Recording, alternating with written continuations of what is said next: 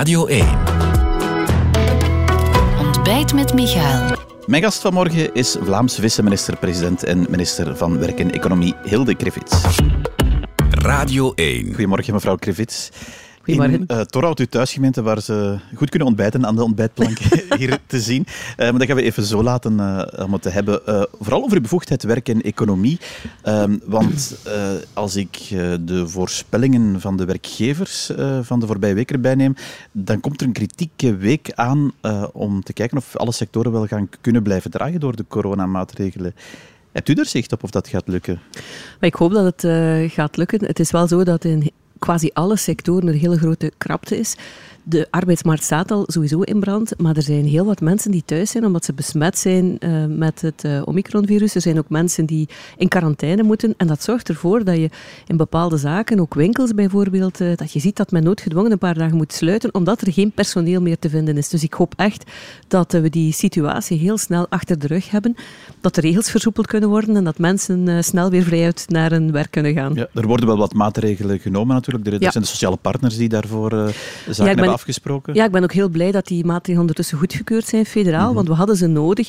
Het maakt het voor mij mogelijk dat ik een extra oproep kan doen naar uh, studenten. Straks is er de lesvrije ja, week. Want zij mogen ook uh, makkelijker en vlotter uh, Ja, ze mogen dus eigenlijk zoveel uren werken als ze willen het eerste kwartaal van 2022. En dat is heel goed, want de jongeren die bijvoorbeeld in de grote vakantie al een job hebben, die kunnen nu bijwerken als ze mm willen. En dat is goed voor de levenservaring, maar dat is ook goed natuurlijk voor de portemonnee. Ja, het komt natuurlijk ook omdat mensen makkelijk, of snel in quarantaine moeten, ook als ze niet besmet zijn. Ja, is dat dan wel slim als je weet dat dan, uh, het, risico uh, op ziek worden niet zo groot is en dat, dat die economie er echt wel uh, ja, door pijn gedaan wordt? Het is een mes dat langs twee kanten snijdt. Ik ben zelf uiteraard vragende partij om zo snel als mogelijk die quarantaineregels ook op de werkvloer te versoepelen. Langs de andere, andere kant zie je dat werkgevers zelf ook niet de grootste vragende partij zijn om alles te versoepelen als het niet kan. Maar u zegt er moet wel versoepeld worden op, wel, Zo snel van... mogelijk. Het is, eigenlijk moeten we kijken naar de, gezond, de, de, de situatie ook uh, qua, qua besmettingen en qua ziektes. Dus uh, het kan niet van vandaag op morgen, maar voor mij zo rap mogelijk. Maar langs de andere kant zegt men in de bedrijven ook, als op onze werkvloer één besmette werknemer komt en uh, die besmet alle anderen, dan kunnen hele productieafdelingen stil liggen. Dus je voelt dat ook bij in bedrijven men het van twee kanten uh, bekijkt. En het allerbelangrijkste is nu dat uh, die golf aan besmettingen en aan ziektes dat die weg kan hebben en dat we ja, een stukje meer vrijheid kunnen hebben. Wat betekent dat je ook terug uh, kunt werken zonder elk ja, moment bang te moeten zijn dat je besmet wordt. De regels rond in quarantaine gaan en zo, na hoogrisicocontacten en zo, u zegt daar moet voorlopig toch nog niets aan gewijzigd worden. Wel, we bekijken dat samen met de sociale partners, maar ik voel dat men daar ook heel erg voorzichtig is. Dat men zegt, ja, we willen niet dat hele afdelingen stil moeten mhm. liggen. Maar uiteraard, eh, als je morgen al die regels kan versoepelen, heel, heel graag. Want het zal een stuk de redding betekenen van de problemen die er nu zijn op de arbeidsmarkt. Ja, u, u zei daarnet, de arbeidsmarkt staat in brand. Eh, dat is eigenlijk positief nieuws, hè? Ja, dat is uh, super positief nieuws. Want we hadden eigenlijk nooit kunnen dromen dat de economie zo snel zich zou herpakken mhm. na de enorme klappen die er geweest zijn vorig jaar en het jaar daarvoor. Dus we leven nu echt in een, in een up-toestand. Uh, je ziet dat er heel veel vacatures zijn, ook nieuwe vacatures. De keerzijde daarvan is dat veel vacatures niet ingevuld raken. En om u een voorbeeld te geven, wat we eigenlijk niet verwacht hadden, als je kijkt provinciaal in Oost-Vlaanderen, is op dit ogenblik de werkzaamheidsgraad 78,6 procent. In mijn eigen provincie West-Vlaanderen is dat 76,7.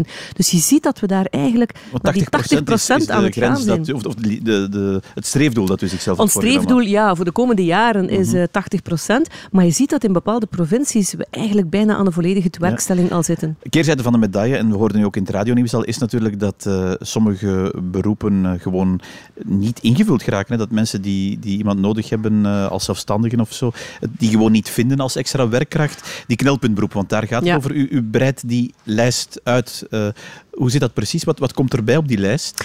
Wel, er zijn 17 extra knelpunt beroepen in vergelijking met vorig jaar. En die lijst is ondertussen enorm lang. Het zijn er nu 207, dus dat is uh, veel te lang. En je ziet daar echt een aantal klassiekers op staan. Op, met stip op één is verpleegkunde. Dus uh, dat moet echt anders. We hebben extra handen nodig in de zorg. En al de, de hele rest van de top 10 uh, zijn beroepen in de bouw, uh, bouw, bouw, bouwnijverheid. Er wordt veel gebouwd. En mensen ook die een poetshulp vragen. Daar is ook een chronisch tekort aan. Ja, maar dus ook 17 nieuwe beroepen die erbij komen. Onder meer enkele opmerkelijke. Ja. Verkoper van, van planten, noem ik, maar ook fietsherstellers. Van, van ja, waar die tekort Dat is echt het gevolg van de coronacrisis. Mensen zijn, omdat ze verplicht werden om thuis te zijn, zijn massaal beginnen fietsen. hebben ook een tuin onderhouden. En dat blijft wel hangen. Dus fietshersteller is een knelpuntberoep geworden. En eigenlijk is dat positief, want dat toont aan dat mensen massaal ook eh, zich verplaatsen per fiets. Dat is goed.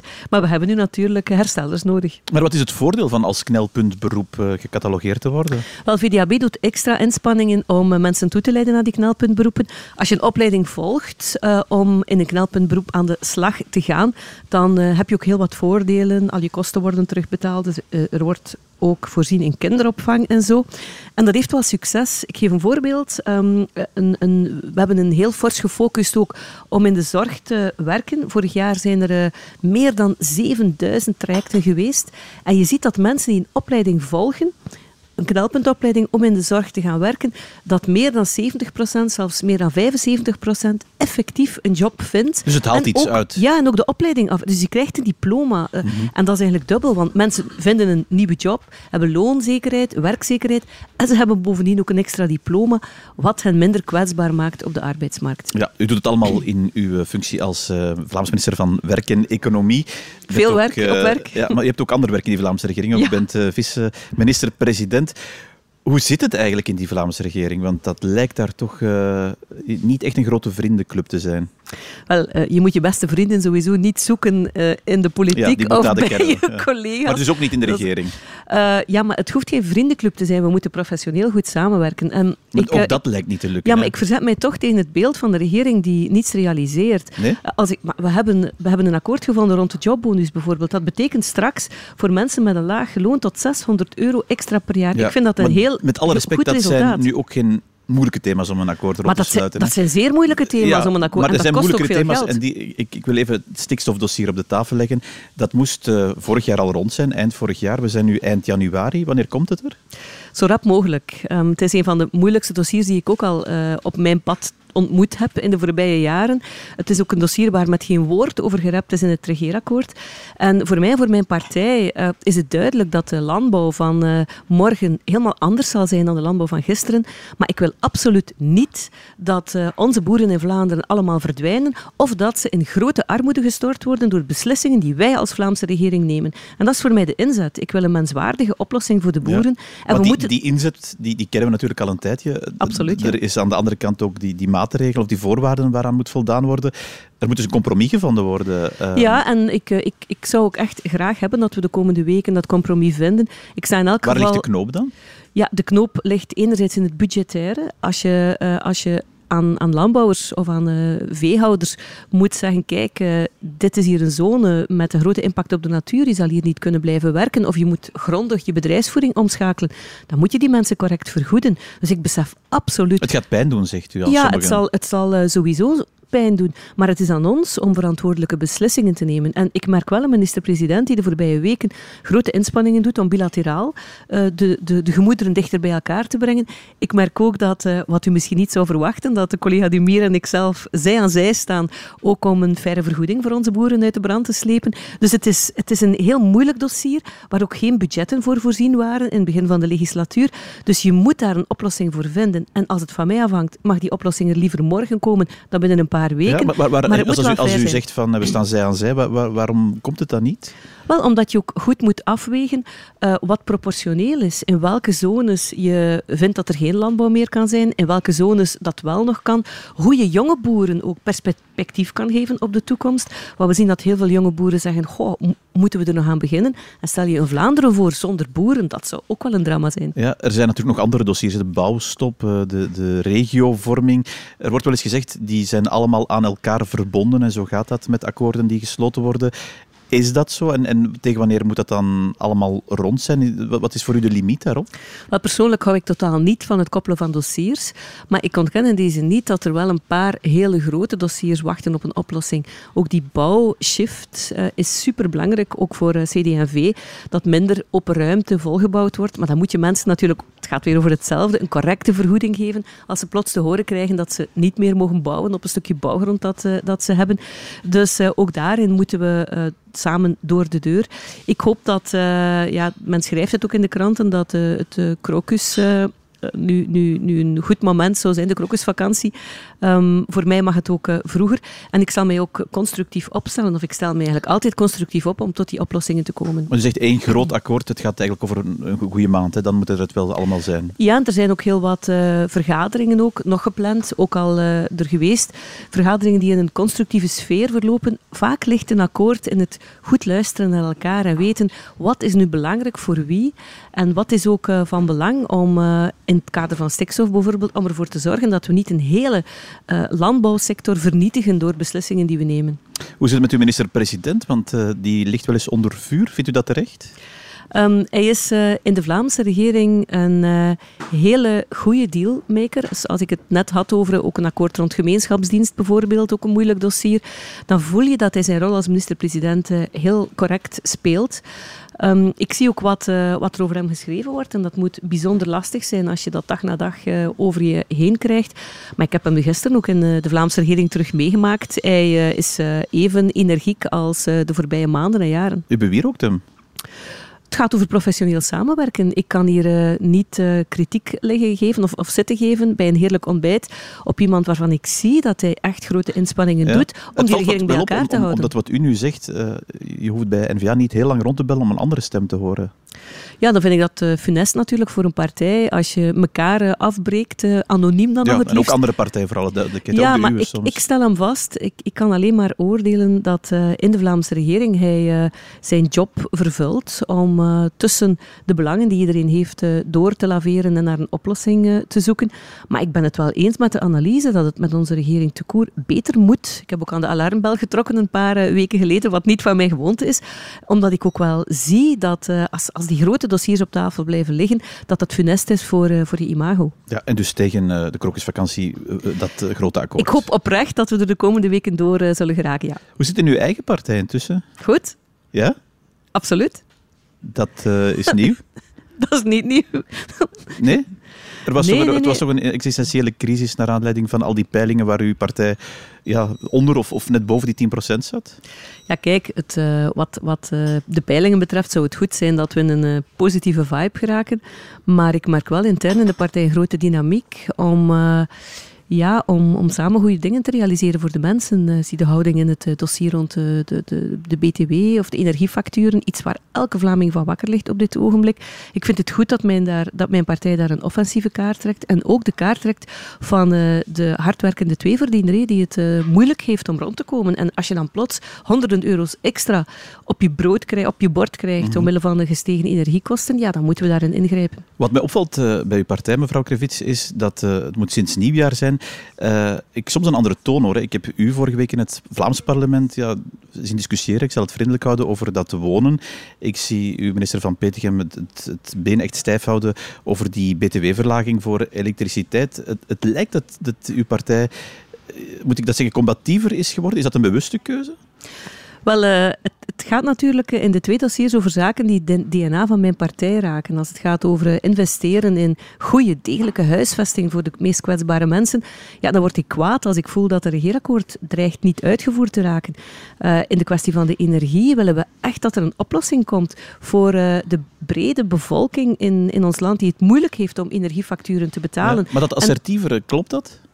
Ja, we zijn er assertief op. En ik verwijs even naar een interview dat Yves Le Terme gaf een week geleden. Die zei, ja, je moet niet deel uitmaken van de regering om erbij te horen. Je moet ook effectief je punt maken.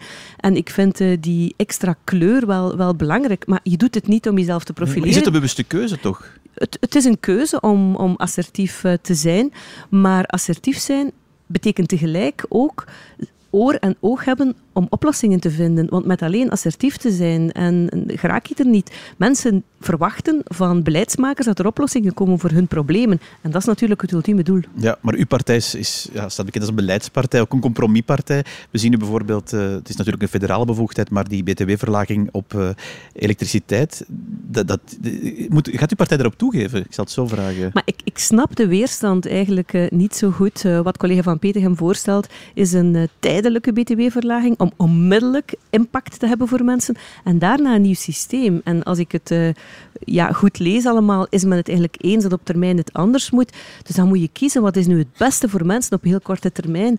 En dan zou ik zeggen, ja, ga dan voor die directe verlaging. Je ziet dat ook. Collega Vincent heeft ook uh, gezegd, we hebben duizend pistes bekeken. Dit is de meest snelle en efficiënte piste. Ja, doe het dan. Laat mensen niet langer in onzekerheid. Dat is die assertieve toon. Eh, nu valt dat op bij BTW, ook vorige week bij dat wonen. Is dat een toon die gaat, uw partij gaat aanhouden? Um, ja, het, het het gaat over hoe maak je het verschil voor mensen. Hoe, uh, hoe zorg je ervoor dat mensen ook terug geloven dat je voor hun belangen wil vechten. En daar heeft de politiek denk ik heel veel nood aan. Het is zo gemakkelijk om op de ander te schieten, wat hij allemaal verkeerd doet. Maar het is zoveel moeilijker om het verschil te maken inhoudelijk. En dat is de lijn die wij nu ook willen bewaken de komende periode. Maar het lijkt wel een beetje het geweer van, van schouder te veranderen. U, uw voorstel was, ja, het leek soms wat radeloos na die slechte peilingen. Is dat allemaal uh, voorbij? Um, uh, niets is wat het lijkt natuurlijk. Ik heb uh, Joachim nooit radeloos uh, gezien. Maar we, we, zijn wel aan het zoeken naar, naar de manier waarop we mensen ook meer en beter kunnen aanspreken. En misschien hoort die assertiviteit daar ook wel voor een stuk bij. Het belangrijkste zal zijn straks, als er heel wat coronabeperkingen opgegeven worden, dat je terug midden de mensen je kunt bewegen. Want dat is iets wat ik het meeste mis. Wat mij ook opvalt, is, is het vooral richten naar de middenklasse. Ook, ook dat valt mij wel op. Is ook dat een bewuste keuze?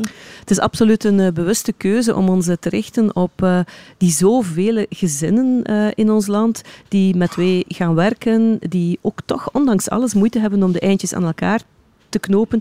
De wooncrisis die er is, mensen die in slecht geïsoleerde woningen uh, wonen.